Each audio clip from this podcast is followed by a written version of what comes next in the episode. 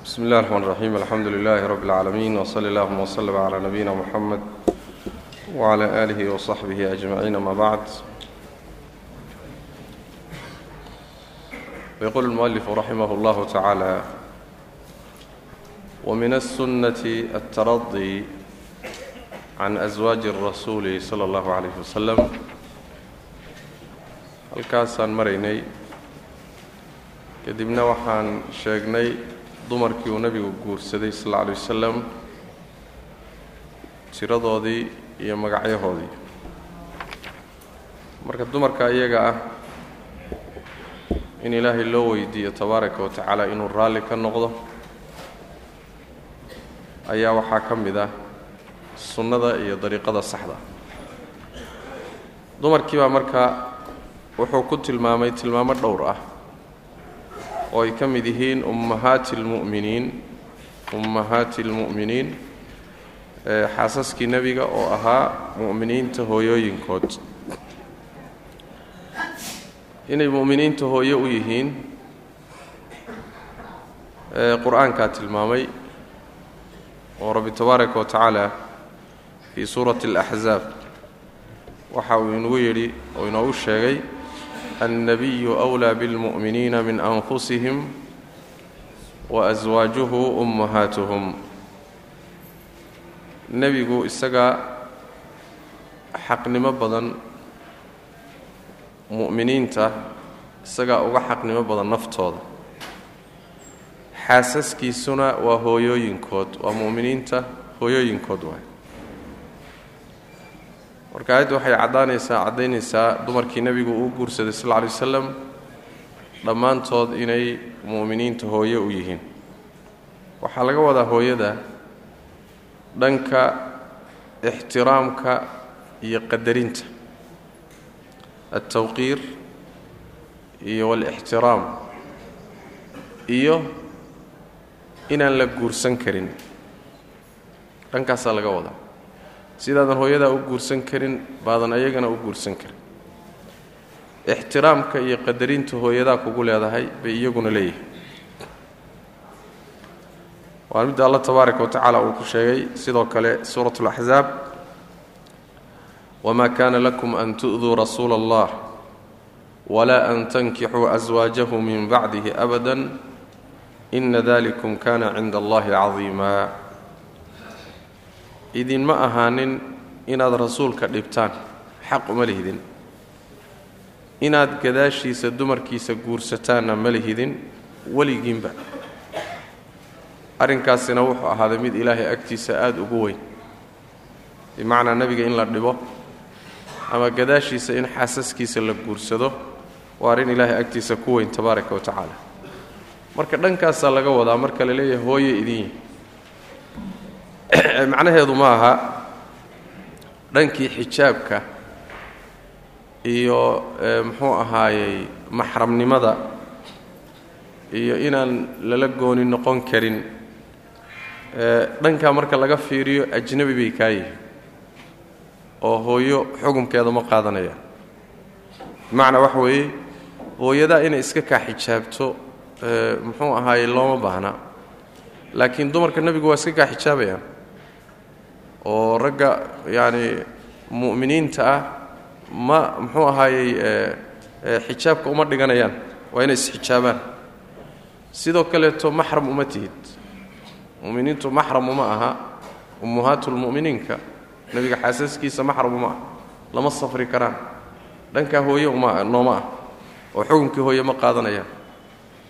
Mid iyaga ka mida lama khalwoon kartid oo meel gooniya lama geli kartid si aadan safarkaba maxram ugu noqon karin baadan khalwana la samayn karayn marka jawaanibtaasi ajnabi bay ka yihiin hooye idin yihiinna waxaa laga wadaa xagga ixtiraamka iyo qadarinta iyo in la guursado oon bannaanayn. Ayb marka ummahaatulmu'miniin waye mu'miniinta hooyooyinkood waay almutaharaati ee la daahiriyey yacni mutaharaat ee la daahiriyey almubara'aati ee la beri yeelay min kulli suu'in xumaan kasta laga beri yeelay. Yacni waxaa laga fayoobeeyey oy ka fayow yihiin xumaan kasta. Mutaharaadka waxaa laga wadaa quluubtooda iyo nufuustooda iyo akhlaaqdoodu waxay daahir ka tahay radaa'il lumuur arrimaha liita. Ayay daahir ka yihiin. Waata allah tabaaraka wa tacaala fii suurati alaxzaab sidoo kale ku sheegay innamaa yuriidu allahu liyudhiba cankum alrijsa ahla albeyti wayutahirakum tahiira aayaadkaasi markaad fiiriso sibaaqa iyo lixaaqa markaad fiiriso waxay ka hadlayaan xaasaskii nebiga salawatu rabbi wasalaamu calayh saas daraaddeed bilowgii waxaa laga soo bilaabay muxuu ahaa yaa nisaءa annabiyi lastunna ka axadin min annisa halkaasi ka soo bilaabatay sooma marka dambena waxaa laga dambaysay aayaddaasi wadkurna maa yutla fii buyuutikunna. Marka waxay ku tusaysaa waxa laga hadlayo waa xaasaskii aalubeytka kalena waa soo gelayaan ficlan sida xadiiska nebiga ku cad salawatu rabbi wasalaamu calayh. Laakiin asalka siyaaqa aayaadku waa xaasaskii marka innamaa yuriidu allahu liyudhiba cankum alrijsa alla wuxuu doonayaa inuu xumaanta idinka tegsiiyo wayutahirakum tahiiran inuu idin daahiriyo allah tabaaraka wa tacala baa doonay sidaas way macnaha marka waa mutaharaad way daahirsan yihiin xagga rabbi baa laga daahiriyey mubara'aad weeye min kulli suu'inoo xumaan kasta ilaahay baa tabaaraka wa tacaala ka beriyeelay maadaama ay yihiin xaasaskii nebiga salawaatu rabbi wasalaamu calayh allah wuxuu u dooray khiiratu nisaa'i ahli zamaanihi ama khiiratu nisa dumarkii wakhtigaa joogay kuwa ugu khayr badan. Ama dumarkii ugu khayr badnaa buu alla u dooray tabaaraka wa tacaala. In ay dumarka ugu qiimo badan yihiin oo tahiran yihiin oon xumaynna waxaad ka garanaysaa allah tabaaraka wa tacaala nebi moxamed buu xaasas uga dhigay. Qisada marka laga hadlayo muxuu ahaayey been abuuradkii caaisho lagu sameeyey aayadaha ugu dambeeya markii la gebagabaynayay difaacii la difaacay caaisho iyo cirdigeeda iyo wixii lagu sheegay muxuu ahay la radinayay aakhirka waxaa aayadda ugu dambaysa lagu keenay allah tabaaraka wa tacaala qowlkiisa uu yidhi alkhabiihaatu lilkhabiiiin waalkhabiiuuna lilkhabiihaat waalayibaatu lilayibiin waalayibuuna lilayibaat yacni waxa weeyaan dumarka xunxunkii ragga xunxunkaabaa iskale ragga wan wanaagsan iyo dumarka wan wanaagsanna waa isleeyihi. Ragga xunxun iyo dumarka xunxunna waa isleeyihi. Waxaa laga wadaa marka waxaa laga wadaa nebi moxamed salawaatu rabbi wasalaamu calayh rabbigii tabaaraka wa tacaala waa ka ilaaliyey naag xun. Leanna naagta xumaanteedu hadday nebi moxamed sal lla alay wasalam uu fiican yahay ilaahay tabaaraka wa tacaala wuxuu qadaray inuu naag fiican siiyo dumar fiican inuu u dooro aayaadku saasay tilmaamayaan raggo ninku hadduu xun yahay naag xun iyo dumar xun baa lala xidhiidhiyaa. Laakiin hadduu fiican yahay qur'aanku wuxuu tilmaamayaa ilaahay dad wanaagsan buu u dooraa. Maxaa laga hadlayaa? Aayaadku waxay ka hadlayaan caaisho oo xaaskii nebigaa la duray. Markaasaa rabbi wuxuu tilmaamayaa caaisha hadday xun tahay nebi maxamed xaas umayna noqoteen. Maqsuudku waa ka. Hadday naag xun tahay nebiga xaas mayna u noqoteen inay fiican tahay oo dahiran tahay oo dayibatoo wanaagsan tahay waxaa ku tusi nebi maxamed bay xaas u noqotay. Soo ma? Marka qodobkaasoo dumarkii kale lama wada wadaagaan. Way la wada wadaagaan. Saas daraaddeed waa taskiye ilaahay tabaaraka wa tacala uu taskiyey waa. Almutaharaati ee la daahiriyey almubara'aati ee la bari yeelay min kulli suu'in xumaan kasta lagama wado ma dembaabaan lagama wado. Saanya loo qaadan. Macsuumaad ma ah laakiin waa maxfuudaad baa la dhahaa macsuumkiiyo maxfuudku waa kala yihi macsuum ahoo cismada waxaa iskale ambiyada. Cid ambiye aan ahaynoo ka dambayso cismo leh ma jirto. Laakiin ilaahay baa xifdiyey oo waa maxfuudaad. Ilaahay baa daahiriyey allah dhowray tabaaraka wa tacaala oo xumaanta ka dhowray. Macnaha lagama wado may man dabaabaan oo dembi wuu iska dhacayaa isaga. Laakiin dunuub xunxunoo fawaaxish ah oo cirdigoodi iyo sharafkoodiiyo dhib u geysanaya maya. Taa iyadaa ilahay baa ka xifdiya tabaaraka wa tacala ayb afdaluhunna buu marka yidhi dumarkiibuu marka sii kala fadilayaa dumarkii nebigu uu guursaday sal lla alay waslam ayaa waxaa la isweydiinayaa say u kala fadli badnaayeen. Say u kala fadli badnaayeen. Afdaluhunna dumarkaa midda ugu fadli badani khadiijatu binti khuwaylid waay khadiija bintu khuwaylid waa haweenaydii ugu horraysay nebigu uu guursado sal alay waslam ayadaana ugu fadli badan sida uu sheekhu tilmaamayo. Waxay leedahay masaayaad fara badan oo khadiija ayna dumarka kale la wadaagin.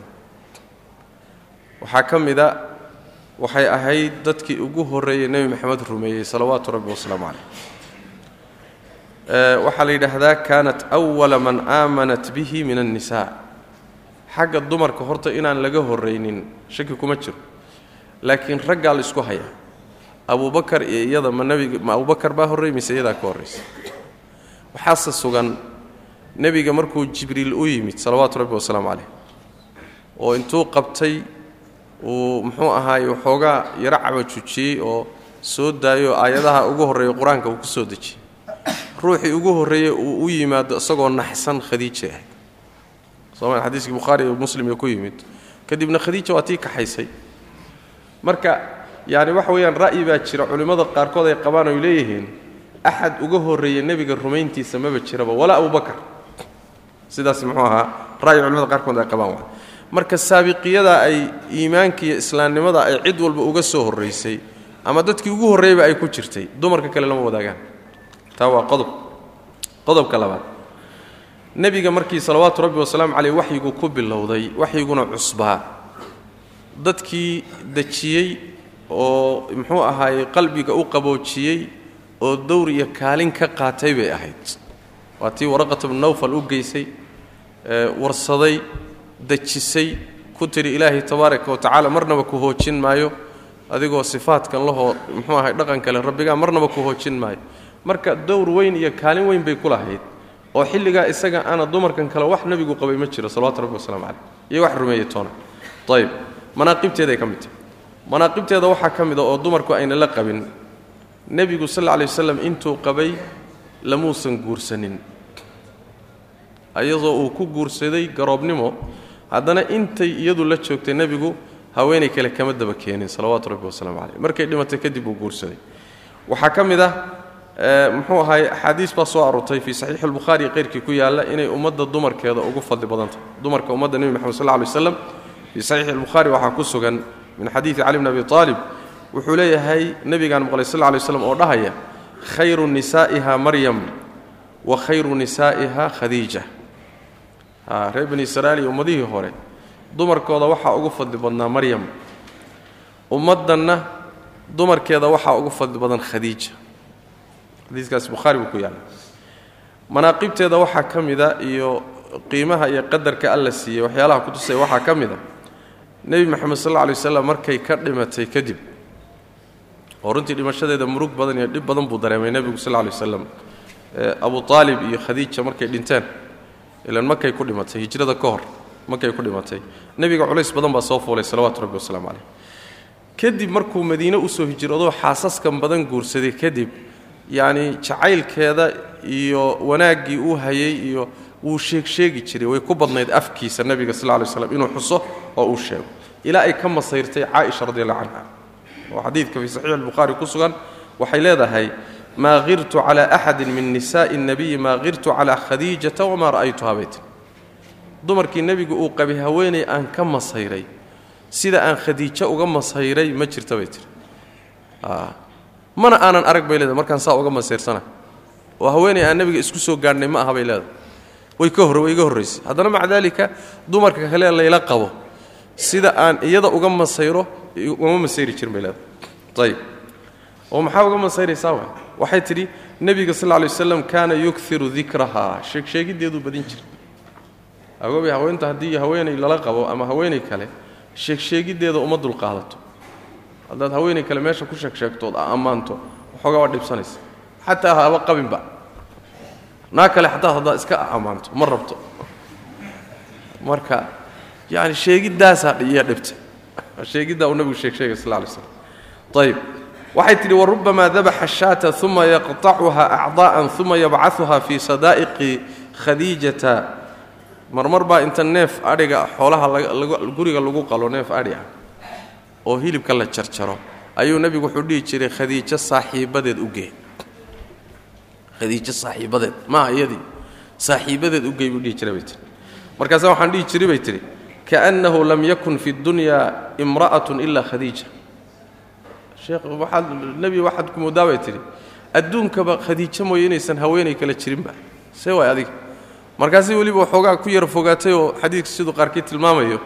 Haweenay duq ahaydoo habar ahaydoo waxoogaa muxuu ahaayey qowlo la jeexjeexnaydoo si wax ka ahaayeen oo ilaahay gabadhan kuugu bedelay maxaa ku daba dhigay bay ku tidhi. Markaasuu nebigu wuxuu ku yidhi sal alla alay wasalam ilaahay wuxuu iga siiyey cidii uga siiyey ma jira ba ku tii yuu ku yidhi. Marka khadiija ma sahlanayn. Markaasuu nebigu wuxu uhi sal lla alay waslam innahaa kaanat wa kaanat wa kaana lii minha walad. Sidaasay ahayd oo sidaasay ahayd oo sidaasay ahayd. Wuu ku dul ammaanay. Carruurna ilaahay waa iga siiyey bay tii yuu ku yidhi. Waatan soo tilmaannayo carruurta nebiga sal alay wasalam dhammaantood ayaada dhashay wiilasha iyo gabdhahaba markii laga reebo ibraahim. Oy maariya dhashay.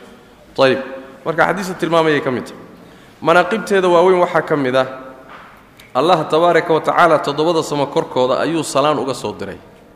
Salaan rabbi oo khaas ku ah khadiija. Jibriil salaantiisa iyo tan oo wada socota. Xadiidka macnaha tilmaamaya isagana saxiixulbukhaari buu ku sugan yahay oo bukhaari baa soo saaray min xadiid abi hurayra. Jibriil baa nebiga u yimi sal lla alay waslam markaasaa wuxu uhi ya rasuula allah hadihi khadiija qad atat macaha inaa'un fiihi idaamun aw طacaamun aw sharaab. Jibriiloo nebiga u joogay la jooga ayay khadiija soo soo baxday iyadoo soo socota markaasaa wuxuu yidhi jibriil rasuul allow waatan khadiija ayadoo wadda weel uu ku jiro iidaan ku jiro ama cunta ku jirta ama cabbitaan faidaa hiya atadka faqra calayha asalaam min rabbiha wa minii hadday kuu timaaddo ku soo gaadho salaan korkeeda ku akhriyo gaadhsii alla ka socota iyo mid aniga iga socotaba gaadhsii buu ku yidhi wabashirhaa bibeytin fi ljannati min qasabin laa sakhaba fiihi walaa nasab waxaadna ugu bishaaraysaa guri jannada ku yaal oo luul ka samaysan ka dhisan oo aan lahayn buuq iyo dhibtoona qayle iyo buuqtaan lahayn bishaaradaa gaadhsii buu ku yidhi. Marka haweenta keliyatee rabbi tabaaraka wa tacaala toddobada samo korkooda ka soo salaamay waahay masiye khadiijo khaasu ah waahay dumarka kale mid la wadaagta ma jirto. Caaisha aleelahay salaan jibriil soo diray baan u tegi doonnaa laakiin alla xaggiisa aan ka imaanay. Marka masaayaadka iyo kuwo kaloo fara badan marka la fiiriyo ayaa culimmo badan waxay rajaxayaan dumarka nebiga waxaa ugu fadli badnaa waxaa ugu fadli badnayd khadiija radi allahu tacala canha wa ardaha. Saas macnaha saas daraaddeed buu sheekhu ayaa wuxuu yidhi afdaluhunna dumarkaa nebiga ta ugu fadli badani khadiijatu waya binti khuwaylidin radia allahu tacala canha wa ardaaha wa caaishatu waya alsidiiqatu ee rumaynta badnayd bintu sidiiq sidiiqa gabadhiisa ahayd allatii middaasoo bara'aha allahu alla uu beri yeelay fii kitaabihi kitaabkiisa dhexdiisa uu ku beri yeelay zawjunnebiyi ahayd nebiga xaaskiisa ahayd fi dunyaa adduunyada dhexeeda iyo waalaakhirati akhraba ama waxaad dhihi kartaa waa caaishatu alsidiiqatu bintu sidiiq ahayd allatii tii waay oo khabarka meeshaasaad ka dhigi karta. Bara'aha allahu alla uu bari yeelay fii kitaabihi. Ta hore haddaad ku wadana afdaluhunna khadiija wa caaishatu waad ku cadfi kartaa macnaha. Oo khadiija ugu fadli badan iyo caaisha oo ku xigta macnaha. Saasuu ka dhigi rabaa arrimo uu meeshan wuxuu ku sheegay caaisha radiallahu canha iyadana manaaqib waaweyn inay leedahay iyo fadaa'il oo wuxuu ku sheegay horta iyaduna sidiiqad bay ahayd. Aabbaheedna sidiiq buu ahaa. Ilaahay tabaaraka wa tacaala baa beri yeelayoo munaafiqiinta iyo wixii ay ku sheegeen iyo ceebayntii ay cirdigeeda inay ceebeeyaan isku dayeen. Allah baa ka jawaabay tabaaraka wa tacaala. Ayib een abuuradkii aayaadka ku soo degay dhowr iyo toban aayadood ayuu ilaahay ku soo dejiyey tabaaraka wa shanigeeda oo arrintaa ku saabsan fii suurati nuur laga bilaabo ina aladiina jaa-uu bilifki cusbatun minkum. Halkaa laga bilaabo ilaa laga gaadho alkhabiiaatu lilkhabiiiina waalkhabiiuuna lilkhabiiaat walayibaatu liayibiina walayibuuna liayibaat ulaa'ika mubara'uuna mima yaquuluun. Lahum maqfiratun warisqun kariim ilaa halkaa laga gaadho dhowr iyo toban aayadood waay. Dhowr iyo tobanka aayadood waxay ku saabsan tahay qisadii been abuuradka. Xadiso khataray ahayd oo guriga nebiga sal lla wasalam aada u gilgishay. Khulaasadeeduna waxay ahayd nebigoo safaroo socoto ah. Caaishana ay la socoto. Ayaa muxuu ahaayey markii inta meel la degay in la guuro oo socdaalkii la sii wato la bilaabay ayaa dumarka waxay geli jireen bahal hawdaj la yidhaahdo sanduuq oo kale ah. Hawdajkaasay haweentu gelaysaa markaasaa ratiga korka laga saaraya. Marka caaisha malaha markii la kaakacay bay bannaanka u yaro baxdoo soo xaaja guda istidhi bannaankii bay u baxday way yaro fogaatay. Kadibna qoladii raraysay baa waxay u yimaadeen sanduuqii hawdajkii oo meesha yaalla waxay is yidhahdeen caaisha way ku jirtaa. Gabadh yaroo fududna waaba iska ahaydba dee hilib ma fuulin markaa sanduuqii bay qaadeen waxay saareen ratigii. Waaba dhaqaajiiba ciidankii iyo safartii waa la dhaqaajiyey ayadiina waxaa la moodayaa inay saaran tahay ratiga saaran tahay. Waa la tegey. Ayadii meeshii hadday ku noqotoba jabadii laga guuray bay timid. Ciidankii waaba dhaqaajiyeyba wax jooga male nin marka saxaabada ka midaa jiray oo caadadiisu ay ahayd inuu ciidanka gadaashiisa baryo meeshii ciidanku ka gurayna inuu subaxnimadii iftiinka soo maro. Wixii ciidanku uu ka tegey iyo wixii ka dhacay iyo wixii la halmaamay iyo waxaas inuu soo ururiyo ciidanka daba keeno. Isagiiyo marka meesha soo maray unbaa wuxuu arkay caaisha marka markii ay ciidankii guuray bay timid meeshii bay marka iska soo fadhiisato waxays tihi kolley waa lagu tabi doonaaye. Meesha ciidankii hadda haddaad ka daba tagto inaad luntaa dhici kartee meesha un iska fadhiiso meeshan mudutuushan meesha fadhida haweentan asturanee meesha fadhiduu la yaabay marka. Waa u yimid mise horey buu u yaqaana waa caaisha. Ratigii buu fadhiisiiyey awrkiisii wuu saaray marka. Ratigii buu hoggaanka qabtay si u waday buu ciidankii ka dabageeyey. Meeshaasay marka munaafiqiintii ka faa'iidaysteenoo waxaa la yidhi caaisho ninkanaaba yacani waxa weye la hadhayoo xumaan buu ku soo sameeyey arrintii baa magaalada gashay munaafiqiintii baa ka faa'iidaystay waa la qaadqaaday dad mu'miniinta ka mid oo wanaagsanaabaa ku kadsoomo iyagana warkii faafiyey magaaladii iyo gurigii nebiga iyo mu'miniintii bay arrintu gelgishay. Hal bil oo kaamil ah hal bil ayay arrintu dhinacna u dhici weyday oy nebiga ku noqotay sal lay slam sidii laf dhuun gashay oo kaleeto. Waxyina ma soo degin arrintii ma cadda caddayn looma hayo tuhmadii magaaladay gashay gurigii nebigu waa qasan yahay salawaatu rabbi wasalaamu calayh. Caaisho lafteeda warkii baa gaadho waa rafaadsan tahay oo gurigii way ka tagto aabbeedii wadeed bay la jirtaa. Bil ku dhowaad taqriiban markii xadigu saa u taagnaa bay aayadahani soo degeen marka. Oo allah tabaaraka wa uu ku beriyeelayo ayib aayaadkaas marka dhowr iyo tobanka aayadoodaas soo degay oo rabbi tabaaraka wa tacaala wixii la sheegay oo dhan meesha kaga saaray. Mu'miniintiina lagu canaananayo munaafiqiintii barnaamijka sameeyeyna alla tabaaraka wa ugu hanjabayo mu'miniintii ku kadsoomayna aad loola hadloo leeyahay ma aha inaad saa u dhaqantaan. Haddiiba gurigii nebigii xaaskiisii wax idinka soo gaadhay waxay ahayd inaad marka horeba aad garataan inayna muxuu ahay ayna suurtagal ahayn. Bitaali waxay ahayd inaad arrinta diidaan ood fogaysaan bay ahayd. Mu'miniintii baa la canaantay kuwanaa loo hanjabay gurigii baa yani la beri yeelay caaishaa la beri yeelay wahaakada marka taasuu ka wadaa allatii bara'aha allahu fii kitaabihi. Ilaahay baa beri yeelayoo kitaabkiisa aayado qur'aan ah oo ilaa qiyaami saaca la akhrinayo ayuu ilaahay ku beryeelay tabaaraka wa saas way macana waana aayaadka iyagaa wa ayib meelo dhowr ah ama meelo fara badan bay ku soo arooraysaa ammaan ishaaro uu alla tilmaamayo inay ammaanan tahay. Way ceeb ka fog tahay. Way ka mid aadihii hadda aayadihian aqriyayna macna. Way ka mid tahay maalan ina aladiina yarmuuna almuxsanaati alghaafilaati almu'minaati lucinuu fi dunya. Soo ma? Saas way macnaha inay muxsanad tahay oy haafilo tahay oo ay cafiifad dhowrsoon tahay bay aayaadku tilmaamayaan. Meelo badan boo saas oo kaleeta aba aayaadka ku imaanayo oo alla tabaaraka wa tacaala uu ishaarayo wanaaggeeda iyo muxuu ahaayey khayrka ay leedahay. Waxaa ka mid a maalan waxyaalaha ilaahay tabaaraka wa aayadaha aakhirkeeda maalan waa ka alla ku yidhi ulaa'ika mubara'uuna mima yaquuluun.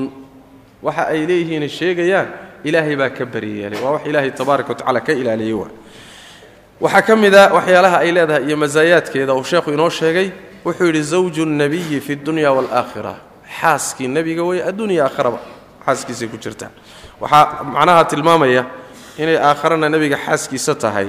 Ibn xibbaan xadiiduu soo saaray min xadiidi caaisha radi allah canha.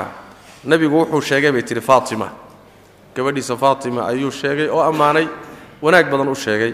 Sayidatu nisaa'i muxuu ahay ahli janna wa ama sayidu nisaa'i hadihi lumma khayr badan buu ku sheegay. Markaasaan hadlay bay tihi anuguna fatakalamtu ana anaa hadlay bay tihi meeshaan joogay markaasuu nebigu wuxuu yidhi bay tidhi amaa tardayna an takunii zawjatii fi اdunya wاlaakhira miyayna miyaadan ku qancaynin oodan raalli ku noqonaynin caaishoy inaad noqoto xaaskaygii adduunya aakharaba markaasaa waxaan dhibi tihi balaa wallah waabay tihi waa ku qancaya. Ayb markaasaa nebigu wuxuu uhi fa anta zawjatii fi اdunya wاlaakhira xaaskaygii baa tahay adduunya aakharaba xaaskaygaad ayaa tahay buu nebigu yidhi xadiidkaasi waxaa soo saaray ibni xibbaan wakadalika xaakim uu saxiixiyey. Sidoo kale dahabi baa ku waafaqay. Alimaamu tirmidi ibni xibbaanna sidoo kale xadiid la soo saareen min xadiidi caaisha.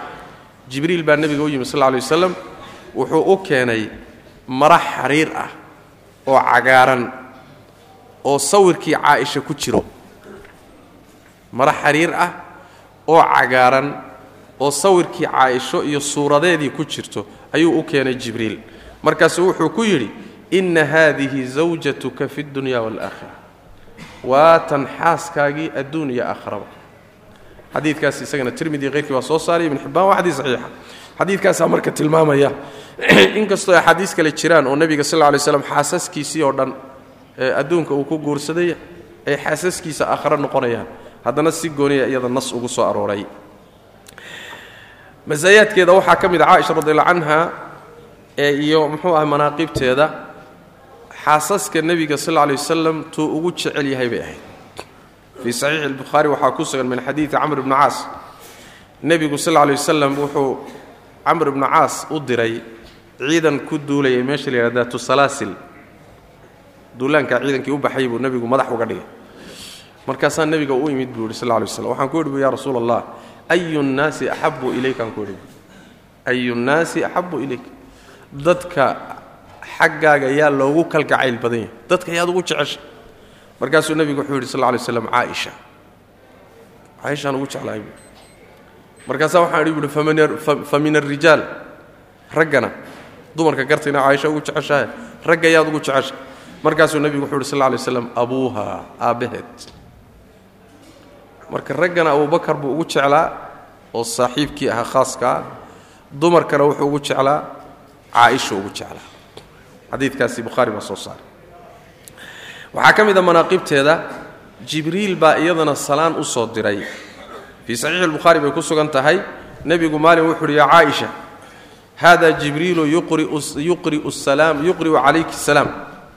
Jibriil baa kan ah wuuna ku salaamayaa buu nebigu ku uhi sal lay slam markaasaa waxay tidhi wacalayhi asalaam waraxmat ullaahi wabarakaatuhu taraa maa laa araa turiidu rasuula allahi sal lay waslam salaantii markay ka jawaabto waxay tidhi rasuulilaahi waxaad aragtaa waxaanan arkaynin. Leanna markuu salaanta salaamayo wuu arkaa isagu nebigu waa arkaa sal jibriil lakiin iyadu ma aragto. Marka jibriil baa salaamay meeshaa waa meeshaan lahayn khadiijase salaanta jibriil iyo mid rabbioo wada socotaa u timid. Soo ma?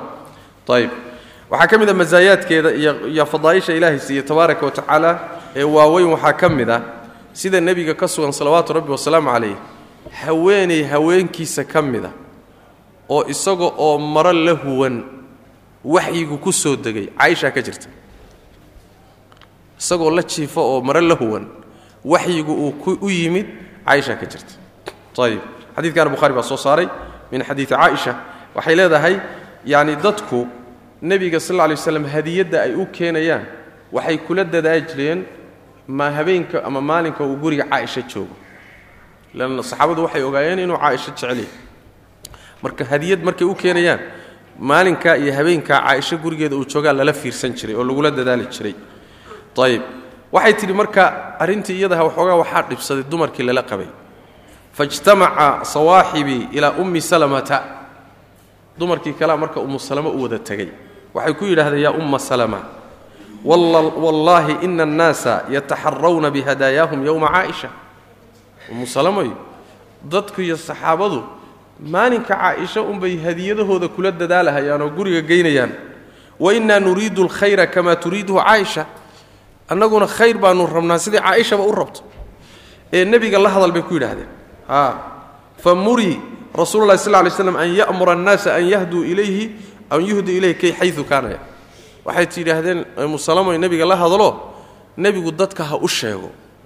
Oo muxuu ku dhihi? Ha u sheego inay maalinta caaisho un keliya ma ahee?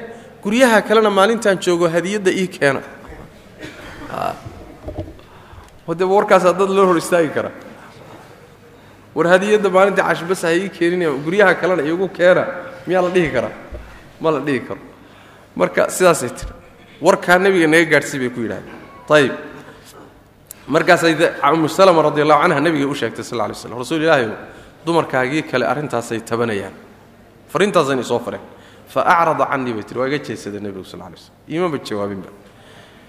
Mar labaad baan ku celiyey bay tiri markuu igu soo noqday baan haddana mar labaad ku celiyey bay tiri haddana waa iga jeesaday bay tiri mar saddexaad baan haddana ku celiyey bay tiri waaba iga jeesaday ilama hadleen markaasuu nebigu wuxuuhi yaa ummi salama yaa umma salama laa tu'diinii fii caaisha.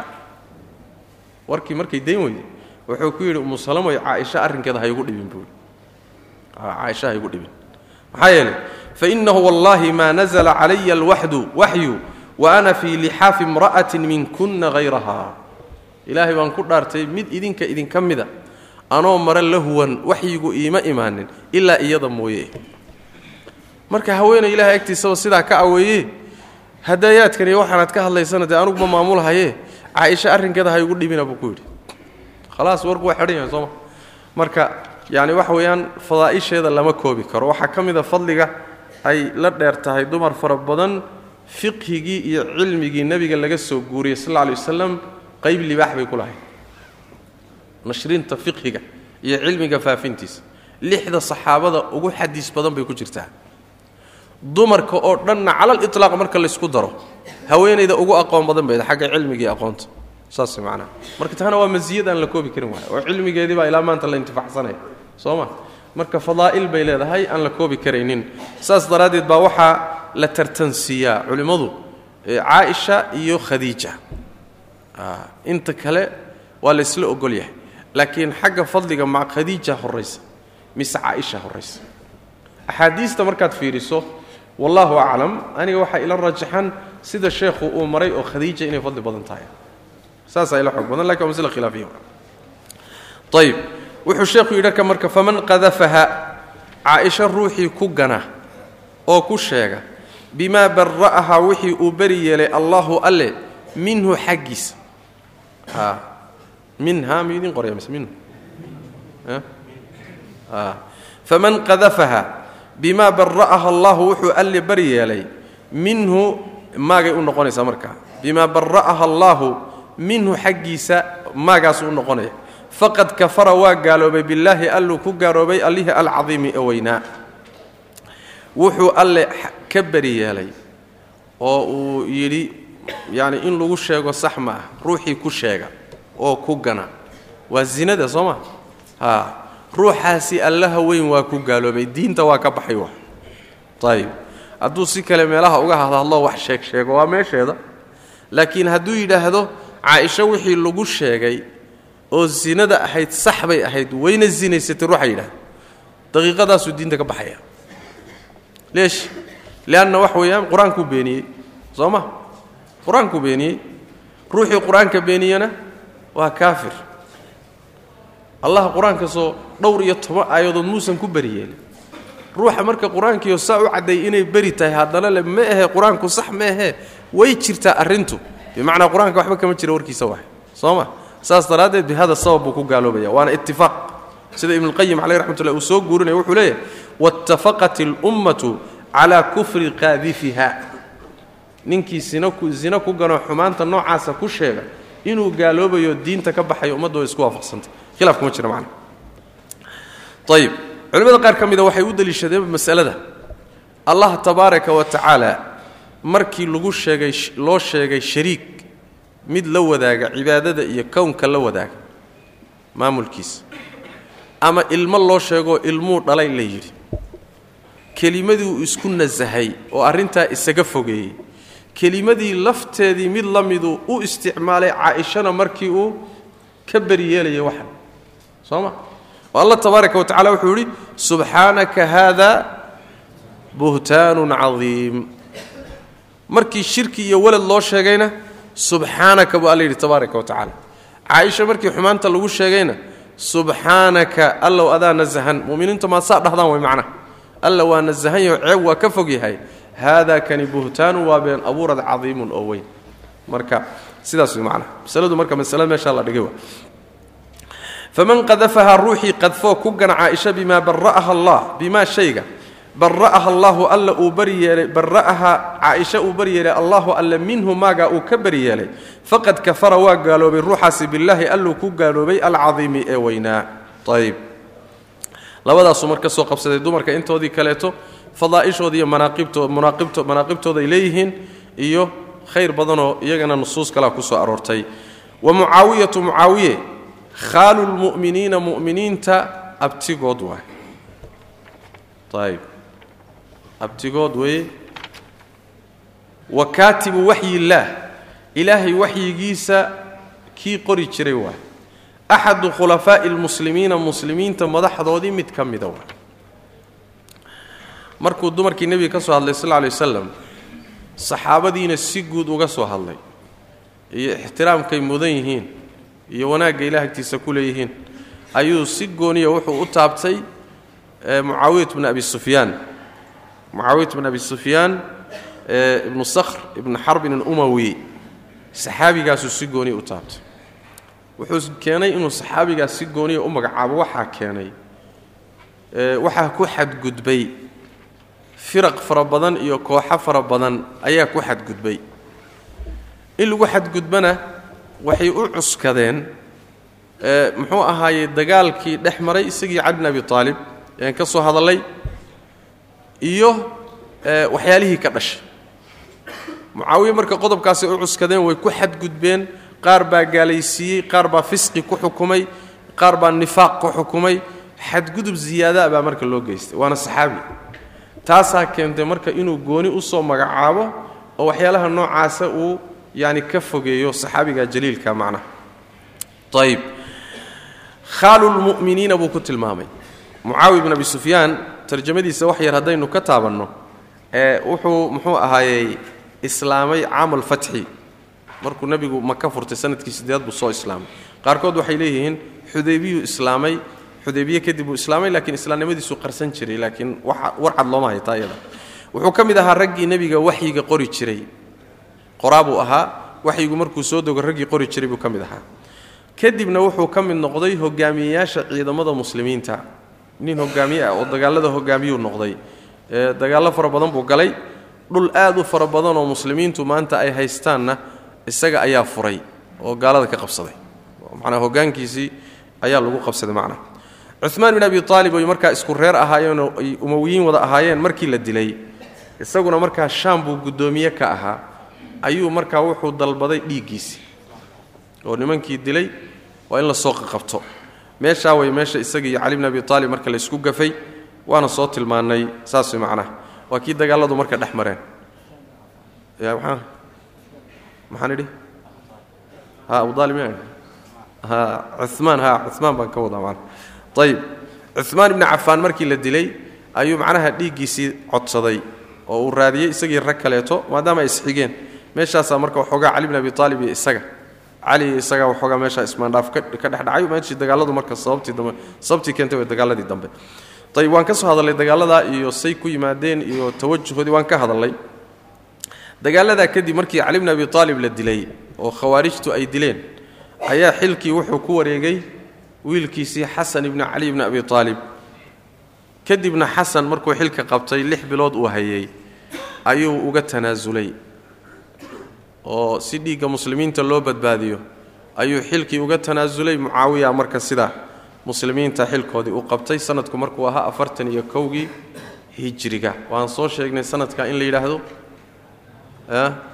caamuljamaaca waa sannadkii muslimiintu dib ay isugu yimaadeen oo hal ninoo madax ay markaasi ugu kulmeen bay macnaha markuu xasan xilka ku wareejiyey nebiguna uu sii tilmaamay wiilkiisu inuu sayid yahay laba kooxood oo mu'miniintaoo islaynaya oo isku dhibanna ilaahay inuu sababtiisa ku heshiisiin doono. Xasanna uu xilkii wareejiyey. Mu'miniintu dhammaantood waxay isku waafaqeen ninka la yidhahdo mucaawiyat bin abi sufyaan inuu yahay amiirkii muslimiinta madaxii muslimiinta. Beyca lala galay ijtamacat alkelimatu calayhi khaliifkii muslimiintu markaa sidaa ku noqday saxaabada intoodii kaleetana wax madaxnimadiisa durayay ma jiro. Xataa raggii la dagaalamayay madaxnimadiisii waa u hogaansamay. Cid wax ka sheegaysana ma jirto. Allahuma de khawaarijta iyo dad kharibanoo ayagu cid walba ku kacsanaa meesheeda waay saas way macnaa marka ninkaas way mucaawiyat bin abi sufyaan. Kadibna wuxuu dhintay lixdankii hijriga. Taqriiban labaatan sano ku dhowaad ayuu muslimiinta oo midaysan hogaankooda hayay. Ayib oo uu ahaa boqor u ahaa ama khaliif u ahaa. Da'da uu ku dhintayna waxay ahayd toddobaatan iyo siddeed jir buu ku dhintay taqriiban waa cimriyey. Meesha marka uu ina leeyahay waa mucaawiyatu khaalu lmu'miniina mu'miniinta abtigood waaye. See buu muminiinta abti ugu noqday. Ahu ummu xabiiba waay ummu xabiiba oo walaashii ah ayaa nebiga xaasaskiisa ka mid a soo ma? Maxay inoo tahay marka? Soo hooyo inoo ma? Hooyadeen walaalkeed muxuu inoo yahay abti buu inoo yahay. Warku saas waa. Hooyadeenoo nabigeen nabigeennu qabay sal alay wasalam ayay walaalo ahaayeen mucaawiya. Hadday iyadu hooyo inoo noqotayna isaguna abti buu inoo yahay. Khaalulmu'miniin oo maxaad khaal ugu doorteen waay nebiga sal alay waslam intuu u jiray iyo siduu ugu dhowaabaa la fiirinayay ayaa macnaha tixgelinteeda leh. Maadaama nebiga sal alay waslamba uu saa ugu dhowaa in la tilmaamo dhowaantii uu nebiga u dhowaa ayaa waxay tahay manqabo iyo masiyo fadiilo wey macnaha sidaas wey macnaha qolo ku xadgudbayna ee warkoodaa yaa yaa yaa yaa meesha laga saaraya. Nimanka ku xadgudbayna waxaa la dhihi rabaa in la yidhaahdo waxaa la rabaa in la dhaho war ninkuu nebiguu ka agdhowaa mu'miniintana abtibuu uu ahaa ee ninka muxuu ahay xadgudubka ka daaya macnahaasay kelimadaasi xambaarsantay ayib arrintaasina waxay ka xanaajisay nimanka la yidhahdo raafidada ahlu sunnuhu markay mucaawiye yidhahdeen khaalulmu'miniin ayaguna ay gaalba u haysteen waa way ka xanaaqeen. De xanaaqadhe kuwaas muutuu biqaydikum soo ma? Kuwaasi macno weyn nooguma fadhiyaan xanaaqooda. Ayib maxaa yeelay kaafir iyo faasiq iyo meelahaasay marayaan. Lacnadiisana wayba xalaashadeenoo way lacnadaan. Ayib waana masalada uu sheikhulislaam ibnu taymiya caleh raxmatullah aad uga hadlay kitaabkiisa minhaaju sunna oo uu ku radinayay ninkii abulmutahir miyuu ahaa ee shiiciga uu ku radinayay kitaabkiisa la dhihi jiray minhaaju oo uu aad khuraafaad fara badan iyo uga buuxiyey ayuu ku radinayey mxuu ahaa ibnu taymiya minhaaju sunna marka masaladaasuu si faahfaahsan uga hadlay. Waxaa keenay marka baahidaa keentay. Baahidaa keentayoo ee markaad fiiriso isticmaalka culimmada sunnada kelimaadka ay isticmaalayaan marar fara badan kelimadaasi horay looma isticmaali jirin oo khaalulmu'miniin oo kaleeto saxaabadu ma isticmaalin. Laakiin markay baahideedu timid oo ay yimaadeen dad mucaawiye ku xadgudbaya oo lacnadaya oo gaalaysiinaya ayay waxay u baahdeen culimmadu inay muujiyaan sida uu nebiga uga agdhowaa salawaatu rabbi wasalaamu caleyh saas daraaddeed bay khaalulmu'miniina u isticmaaleen. Saasay ku timid macnaha waxaa nasiib xumo ah isaga oo fadlaaishiisa wax badan ay ku soo arooreen. Haddana ilaa iyo hadda nascadaasi raafidada ama tashayucu inay dad badan saamaysay oo niman hadda mufakiriin oo mufakiriin la yidhaahdo oo hadda caalamulislaami joogay inay ku xadgudbaan ilaa hadda mucaawiya ku xadgudbaan macnaha qaar waxoogaa nascadaasi taabatay iyo qaar shiica iyo waa iska jiraan macnaha maalan waxaa ka mid a ninka la yidhahdo abu acla almawduudi. Abu acla almawduudi aljamaca alislaamiya fi bakistan ninkii asaasay buu ahaa waad garanaysaan baan u kitaab wuxuu le la yidhaahdo alkhilaafatu walmulk alkhilaafatu walmulk. Mucaawiyuu duray muxuu ahaaye bal mucaawiye rag ka fadli badan buu duray. Oo ka mid yahay cumaan ibnu cafaan sacd ibn abi waqaas camr ibnu caas iyo hayrkood taas wey manaa abu acla almuduudi yani afkaar badan oo khariban baa ku jirta kutubtiisa manaa ayib kadalika waxaa ka mid a ninkan hadda la yidhaahdo xasan isaqaaf waa shiici kaas. Waa shiici weliba khuraafi oo haali ah xag jir ah oo mutadarif haddana weliba muxuu ahaaye zandaqe iyo khayaana u dheer. Waa ninkan hadda ay suufiyadu kutubtiisa ay naf moodeen waay. Xasan asaqaaf oo kutubtiisa hadda ay ictimaadaan. Markaad dabagasho kutubtiisa iyo qoraalladiisa xataa keliyata nin intuu itijaaha qaatay fikir qaatay keliya ma ahee waxa uu soo guurinayo intuu doonana wuu jaraa intuu doonana wuu la yimaadaa. Kitaabku ku qoraa saas maana dhowr kitaaba uu leeyahay baan dabagalay oon tacliiqaad saasaaro meeshuu wax u celiyay intaan ku noqday. Baa naskuu meesha keenay iyo hadalku meesha ku qoray iyo hadalka meeshuu ka soo guuriyey markaad u laabato. Isku mid maaha wuxuu rabaa marka qaabka isaguu rabo inuu wax u adeejiyo. Waa marka zindiiq wey la dhihi karayo xasan saqaafkaas oo muxuu ahaaye isaguna ragga lacnaday buu ka mid yahay mucaawiyat bin abi sufyaan oo duray. Ayuu ka mid yahay macnaha. Bal mucaawiye keliya maaha yani waxaa ka mid a cbdullahi ibnu salaam baa ka mid a ninkii saxaabiga ahaa ee yaa ka mid a ragguu duray rag saxaaba fara badan buu kutubtiisa ku duray macnaha waxaa ka mid a ragga duray nin la yidhaahdo ninka caanka isagana la yidhaahdo sayid qutub. Sayid qutub oo isagana muxuu ahay raggii ikhwaanka ahaa ah kitaabkiisa kutubun wa shakhsiyaat. Ayuu isaguna ku xadgudbay muxuu ahay saxaabigaas isaga iyo camr bnu caas oo wuxuu ku sheegay been iyo khish iyo khadiico iyo nifaaq iyo laaluush inay bixiyeenoo kursiga gateen. Ayb waxaasoo dhan buu ku sheegay. Waxaa mar radiyey sheekh maxamuud maxamed shaakir. Ninkan iskale muxuu ahaa inta badan axmed maxamed shaakir walaalkii oo siirada inta badan ka hadla. Ayaa u naseexeeyey oo marro u qoray. Uu macnaha waxyaalaha noocaas oo kalea ka hadlay. Ayb bal iskaba dhaafay wuxuu ku xadgudbay reer bani umayo dhan buu ku xadgudbay fa umayatu bisifatin caamatin lam yacmuru liimaanu quluubaha buuri umayo oo dhan reer bani umayo o dhan qalbigoodaba iimaanku ma camirin buuri wma kana alislaamu ila rid-an takhlacuhu wa talbasuhu xasaba almasaalixi walmulaabasaat buuri islaamnimadan ay sheeganayaan wuxuu ahaa uun muxuu ahaayey go'ay rida'an dheh go'ay gashan yihiinoo markay doonaanna ay xidhaan oy ku danaystaan markay doonaanna ay iska siibaan kolba danahoodii iyo masaalixdooday ku ilaashan jireen buu le macana ayib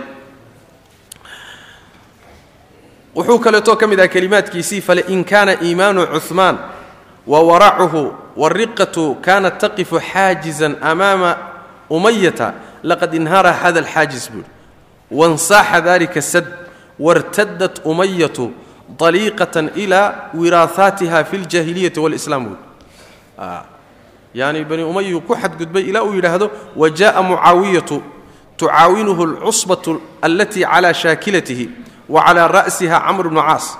Qowm tajmachuhum almataamicu walma'aaribu wtadfachuhum almataamixu wاlraqaa'ibu laa yumsikuhum khuluqun walaa diinun walaa damiir. Waa sayid qutub waa ninkaas.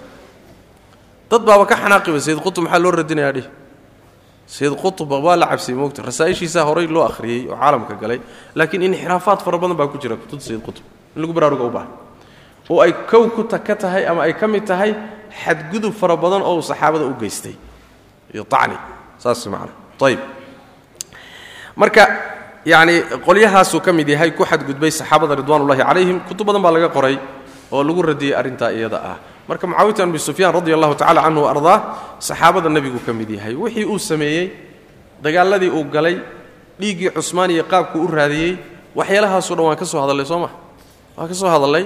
Mujtahid buu ahaa arrintaa la qumanaatay wuu ku ijtihaaday sidaasay la noqotay. Hadduu ijtihaadayna oo ijtihaadku la gafana waa ma'juurun biajrin soo ma? Mana bannaano in lagu xadgudbiyo in la caayo iyo karaamadiisi iyo saxaabinimadiisiiyo in la ilaaliyo waa. Bal nebigeenna waxaa ka sugan sal alay waslam xadiid uu saxaabo dhowra ay laga warinayo. Oo uu yahay cirbaad baa laga warinay cirbaad ibnu saariya cabdullahi ibnu cabbaas cabdiraxmaan ibnu umayra ibn abi cumayra nin la yidhaha maslmat ibnu nakhlad oo isagana raggaas dambe waxnaha taabiciin wey silsila saxiixu sheekh albaani ku keenay xadiidka isaga. Xadiidkaasi nebigu wuxuu ley sl lla lay waslam callim mucaawiyata alkitaaba walxisaaba waqihi alcadaaba ilaahu mucaawiye waxaad bartaa qoraalka farta iyo xisaabta ilaahu mucaawiye bar cadaabna allow ka ilaali waa xadiis sugan waay macnaha axaadiis noocaasaa jirto oo fadaa'isha mucaawiya nebigu ku tilmaamay salawaatu rabbi wasalaamu caleyh nin nebigu u duceeyey oo ilaahu cadaab ka ilaali uu yidhi adigu haddaad cayda ka soo ma kharibnid saas macnaha marka saas daraaddeed buu mucaawiye si gooniya sheekhu uu keenay waana runtii munaasabo weyn waa wa mucaawiyatu mucaawiya khaalu lmu'miniina mu'miniinta abtigood waa silsiladda ruuxii u baahan saxiixada inuu u laabto xadiiskaas ee wuxuu ku keenay nambarka ama raqamka saddex kun laba boqol iyo labaatan iyo toddoba saddex kun laba boqol iyo labaatan iyo toddoba silsila saxiixa ayuu sheekh albaani kaga hadlay xadiiskaasi ayb wa kaatibu waxyi illaah ilaahay waxyigiisa kii qori jira way mucaawiyo mucaawiye axadu khulafaa'i lmuslimiina muslimiinta khulafadooda mid ka mida wa ayb raafidada arrinta ayadaa lagu radinaya saan soo sheegnayba oo ilaahay waxyigiisa nin lagu aaminay inuu qoro oo waxyiga qori jiro qur'aanku markuu soo dego u qori jiray waa nin aamin awaah saas macnaha shiicada iyo raafidada markii axaadiis badani ay soo aroortay inuu mucaawiya waxyiga wax ka qori jiray arrintaasay waxoogaa u qoodhi waayeen waa la qumanaan weyde ma mucaawiya waxyi qori. Markaasay intay axaadiistii leexiyeen baa waxay yidhaahdeen waxyi muusan qori jirine. Waraaqaha nebigu uu qoraye madaxda iyo boqorrada u kala qorahay kuwaasuu qori jiray. Laakiin nin waxyi lagu aamina ma ahayn bay dheh meeshaasay ula kacaan oo nasan xadiiska waxaa ku inuu waxyiga qori jiray. Maya waxyi meehe nebigu waraaqaha uu qori jiray bay dheheen karaani buu ahaa. Meeshaasay raafidood ka baxa saas mana waa nin ayna wax u ogolayn mana ayib inuu waxyiga qori jirayna waxay ku timi saxiixaynkii keyrkood kutub axaadiis fara badan baa tilmaamaysa inuu waxyiga wax ka qori jiray. Axadu khulafaa'i lmuslimiina muslimiinta madaxdooda mid ka mida weeye. Iyadana madaxnimadiisa qolyahaasaan soo tilmaanoo dhan way diidan yihiin. Madaxnimadiisii way durayaan. Abu cali mawduudigan soo sheegnay iyo saqaaf iyo sayid qutub iyo maxamed atiijaani ninka la yidhahdo icraf ilxaqa iskale iyo yacni raggaasoo dhan waa durayaan.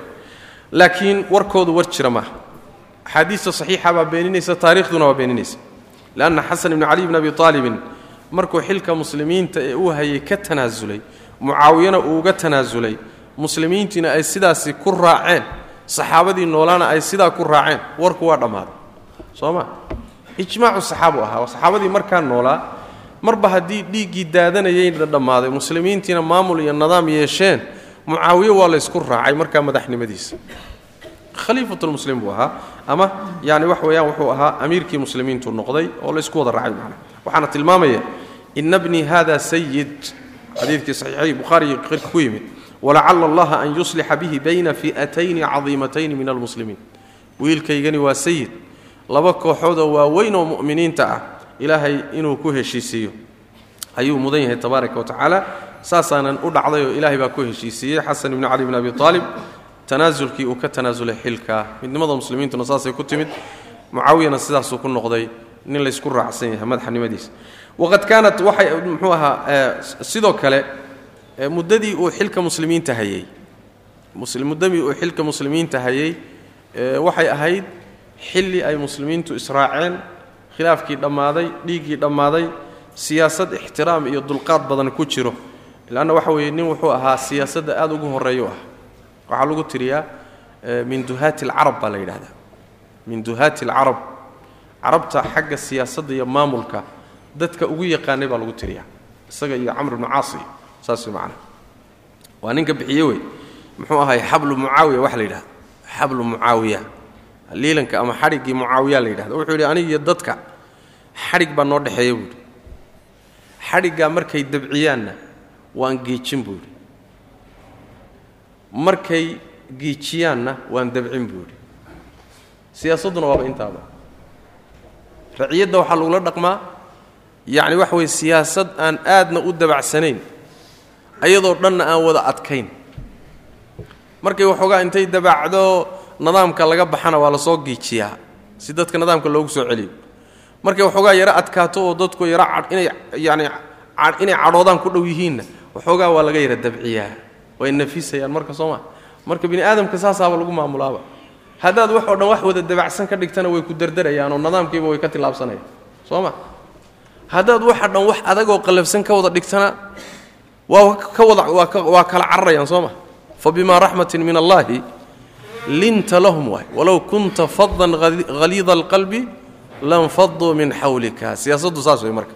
Siyaasad wada dabacsanna waa kharibantah siyaasad wada adagna waa kharibantah marka nin wuxuu ahaa aad iyo aad xagga siyaasadda ugu horreeya iyo maamulka bini aadamka masaayaadkiisa waxaa ka mida muddaduu muslimiinta hayay dhul aad u fara badan buu muslimiinta u qabtay. Dhul badan ayuu soo gacangeliyey oo jihaad iyo dagaal iyo iyuu muxuu ahaayey ayuu ku mashquulay. Marka waxa weeyaan mucaawiyat bin abi sufyaan radi allahu tacala canhu ardaa saxaabi jaliil ah waay.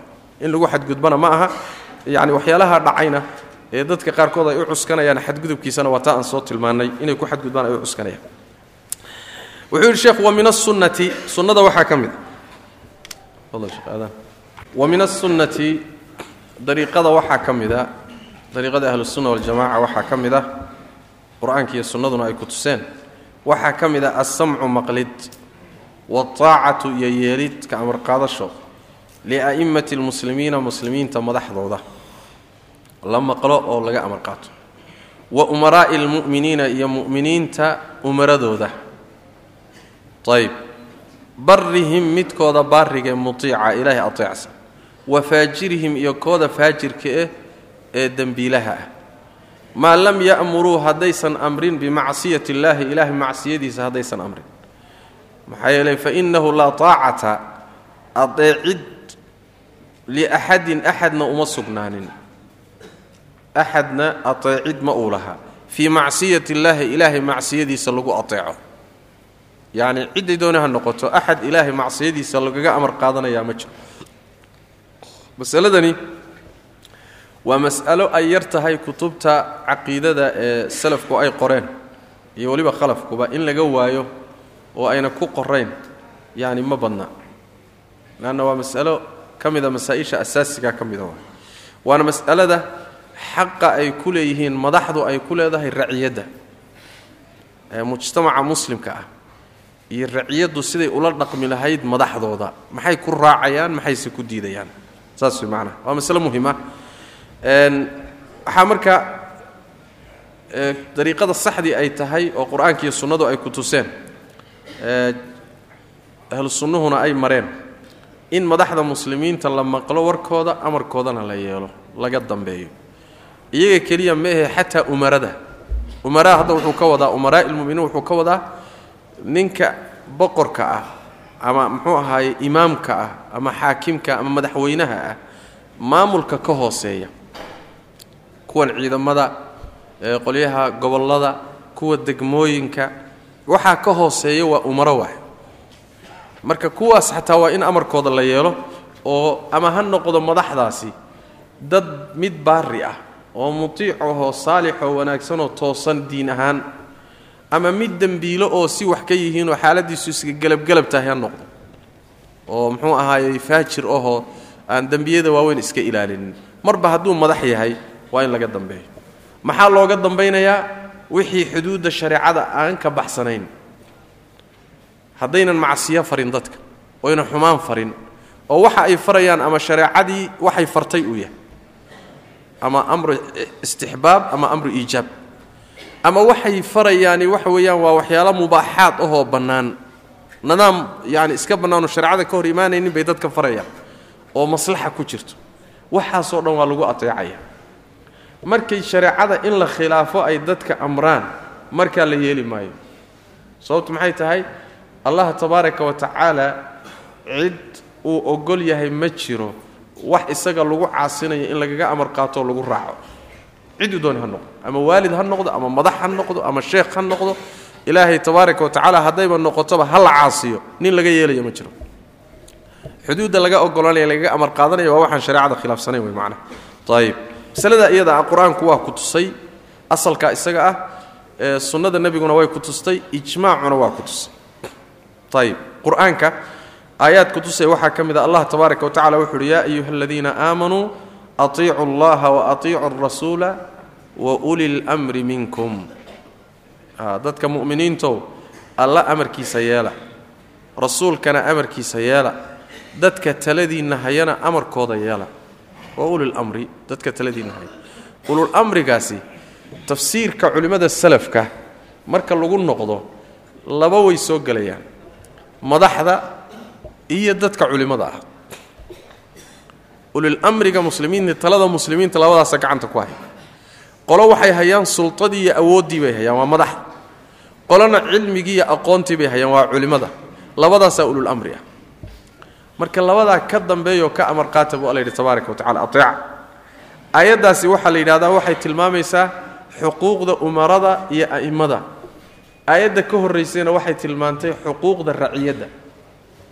Oo waxay ahayd ina allaha ya'murukum an tu'adduu alamaanaati ilaa ahliha waidaa xakamtum bayna annaasi an taxkumuu bilcadli aayaddaasi waa xuquuqda lagu leeyahay madaxda oo raciyadda ku leedahay tan dambana waa xuquuqda ay madaxdu leeyihiin oo raciyadda ku leeyihiin saasaa laysu dabadhigay macnaha ayib aayaadka ka dambeeyana waxay ka hadlayaan nidaamkii lagu kala socon lahaa oo maxaa laga dambaysay wa uli lamri minkum maxaa laga dambaysayey fain tanaasactum fii shayin farudduuhu ila allahi wاlrasuul waa mastarkii loo noqon lahaa nolosha muslimiintu waa intaa waa madax nidaam maraysa iyo raciyad jid iyo nidaam loogu talagalay iyo dastuur iyo nidaam loo wada noqonayo oo labadooduba u wada laabanayaan. Waaba intaaba macnaha ayb axaadiista nebiga sal lay waslam macnaha tilmaamaysa way fara badan tahay. Waxaa ka mid ah xadiidka cabdillaahi bni cumar radi allahu tacala canhu ardaah.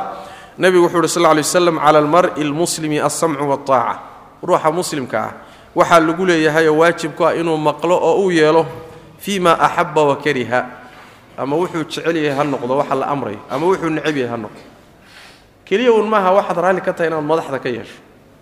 Waxaadan rabin haddii lagu amrana inaad ku kacdo tidhahdo maya maya maya waxba dan iguma jirta aniga. Maya haddaad xataa necabta xataa wax ku dhibaya. Xataa xoolahaaga ha qaato. Ha ku xidho ha ku garaaco. Ha kugu xadgudbo.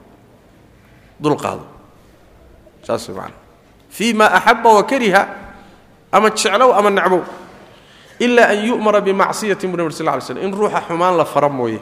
Fain umira bimacsiyatin haddii macsiyo markaa la amro falaa samca walaa taaca buu nabri sl lay slam markaa lana maqli maayo lana yeeli maayo. Qodobkaas macsiyada ah kana yeeli maysid kana qaadan maysid. Saas man laakiin wixii aan macsiyo ahayn nebigu sal lay slm wuxuu leeyaha lagaga dambeeyo. Waxaa ka mid a xadiidu abi hurayra rasuulku wuxu uhi sl lay slam man aطaacanii faqad aطaaca allah ruuxii i aeeca alluu aeecay waman casaanii faqad casa allah ruuxii i caasiyana alluu caasiyey waman aطaaca alamiira faqad aطaacanii ruuxa madaxda ah ruuxii aeeca anigiibuu i aeecay waman casa alamiira faqad casaanii madaxdayda iyo umarada ruuxii caasiyana anigana waa i caasiyey buu nebigu uhi salawatu rabbi waslamu caleyh xadiidkaasna buhari muslim baa isaguna soo saaray. Xadiidka cadiy ibnu xaatim baa ka mida uu rasuulku yihi sal lay waslam waxaan nidhi bu rasuul ilaahayow laa nas'aluka can taacati man ittaqa walaakin man facala wa facala.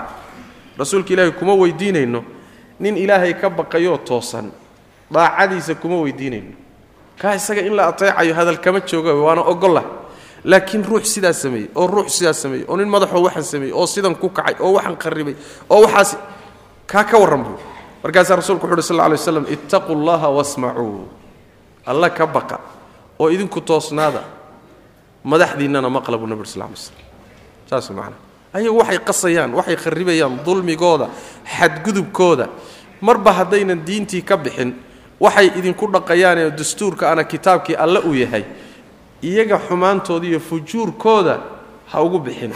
Ha ka hor imaadanina. Amarkooda ha diidina. Saasuu nebigu leeyahy salawatu rabbi waslam xadidka waxaa soo saaray ibn abi caasim fi sunna. Waana xadiis saxiixa xadiista macnahaas way tilmaam way badan tahay marka. Ama ijmaaca culimo fara badan baa soo guurisa a'immada jawrka ahee daalimiinta ahee dadka dulminaya ee inan la ateecoon lagu kicin mas'alo waxay ahayd laysku waafaqay oo ra'yiga salafkiiyo a'immadu gadaal dambe laysku raacay. Laakiin khilaaf horeoo qadiima ku jira. Khilaaf hore oo qadiimo cinda salaf. Saas daraaddeed baa waxaa dhacday dhacdooyin fara badan oo a'immada lagu kacay. Khilaaf qadiima marka waa jiraa laakiin sida shekhulislaam ibnu taymiya caleyh raxmatullah kheyrkii ay tilmaamayaani khilaafkaasi waa inqiraaday waa baaba'ay. Ahlu sunnuhuna waxay isku waafaqeen in a'immada laga dambeeyo. Xataa hadday a'immatul-jawr yihiin jawrkoodaasi inuusan keenin in laga hoos baxo oo lagu kaco macna ayib leanna waxa weeye sababta loogu dadaalaya waad garan kartaano haddii maamulka iyo siyaasaddii iyo dowladdii iyo waxoogaa mujtamacii ay ateeci waayaan oo ka amar qaadan waayaan ooy ka dambayn waayaan talada muslimiintu waa qasmaysa. Maxay isu beddelaysaa marka? Waxay isu beddelaysaa khilaaf fawdo kacdoon burbur dhiig daata khariban dhulkii oo lagu kala qaxo gaalo oo qabsata waa nataa'ij kala dambaysa waa. Marka inaad ninkan madaxdee jaa'irka ahee mar iska sinaysanayee mar dadka laynahayee mar xidhxidhahayee mar qaar muxuu ahay iska xasuuqahayee wixiisaa in la isagala dulqaato loo sabro. Ilaahayna la baryo wixii la islaaxin karana la islaaxiyo. Miyaa roon mise in laysla dumo. Ya cirku ha soo dumo meeshaas gashaan ka geli.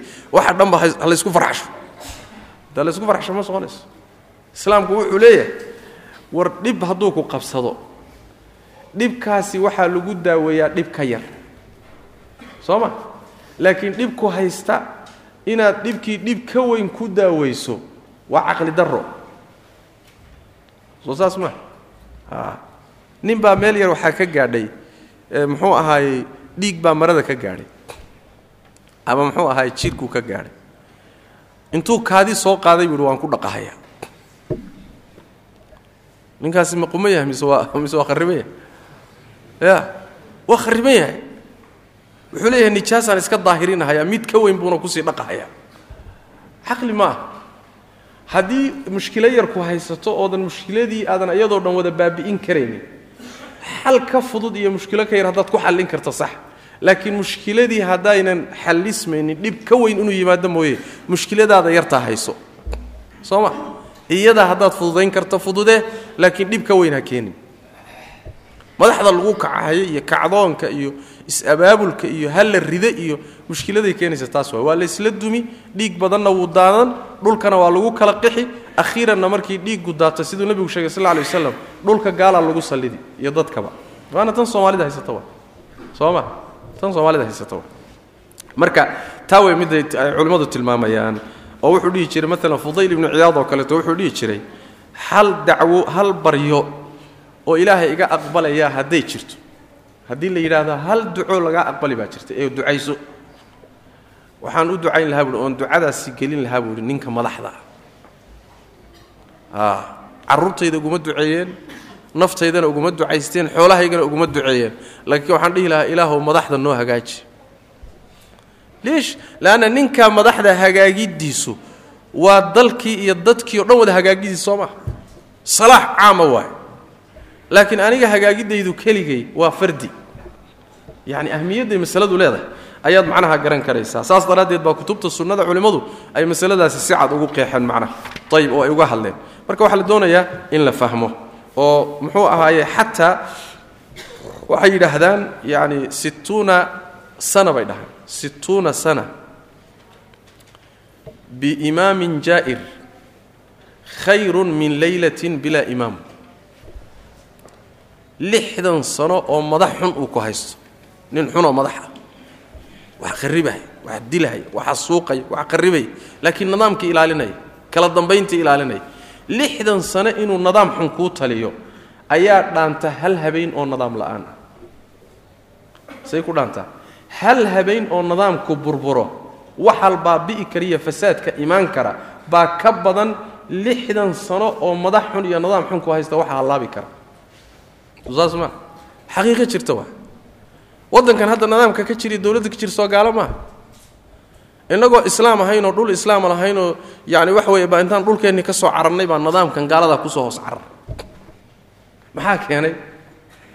Calashaani waxa weye kala dambayn iyo nidaam iyo waxbaa ka jira. Xataa nidaamku muxuu ahaayey yani kaafirka markuu yahay xataa nidaam kaafir ah oo dad kaa kufriga u talinaya nidaam la'aantuu dhaamaa nidaam la'aantuu dhaamaa waa kii nebiga salawaatu rabbi wasalaamu calayhi yani waxa weeyaan xadiiskii muxuu ahaayey qisadii alhijra ilaa ardi alxabasha alhijra ilaa ardi alxabasha duruusta ku jirtay ka mid tahay nebigii salawaatu rabbi wasalaamu calayh markuu saxaabadiisu lahaa maka ka taga oo ardulxabasha aada wuxuu ku sheegay waxaa meeshaa ka taliya nin madaxa oon agtiisa dadka lagu dulmiyin. Ardulxabashay tageen saxaabadu ridwaanullaahi calayhim nidaamkii ka jiray nidaam gaalnimoba ha ahaadee oo dowladdu gaalaba ha ahaadee laakiin way ku hoos noolaadeen oo diintoodii bay xorriyad u heleen. Soo ma? Marka yani nebiguna wuxuu ku tilmaamay xataa hijruu ku tilmaamay. In maka laga cararo oo ardulxabasha loo cararo nebigu hijruu ku tilmaamay. Makana gaalaa haysata? Ardulxabashana gaalaa haysata. Laakiin labada dhul miyay isu dhigmaan? Ya maka iyo ardulxabasha ma isku fadli ba isku fadli ma ah makaa laga cararay oo dhulkii ay ugu fadli badnaa ardulxabashaa loo cararay oo muxuu ahaay aan muxuu ahaay aan wax nas oo fadligeeda ku soo aroray uusan jirin. Sababtu maxay tahay? Yacni meeshaa nidaam baa jira dadka agtiisa aan lagu dulmiyeynin. Halkana meel laysku baaba'saday oo quraysh iyo dadkii maka ku noolaa ay saxaabadii iyo mu'miniintii dhibeen waay. Soo ma? Marka sideedaba masalada nidaamka ilaalintiisa nidaam xuni inta uu jiro haddaad mid wanaagsan lagu bedeli karo ahlan wasahlan haddii kale nidaamkaa xun waa in la ilaashado waay.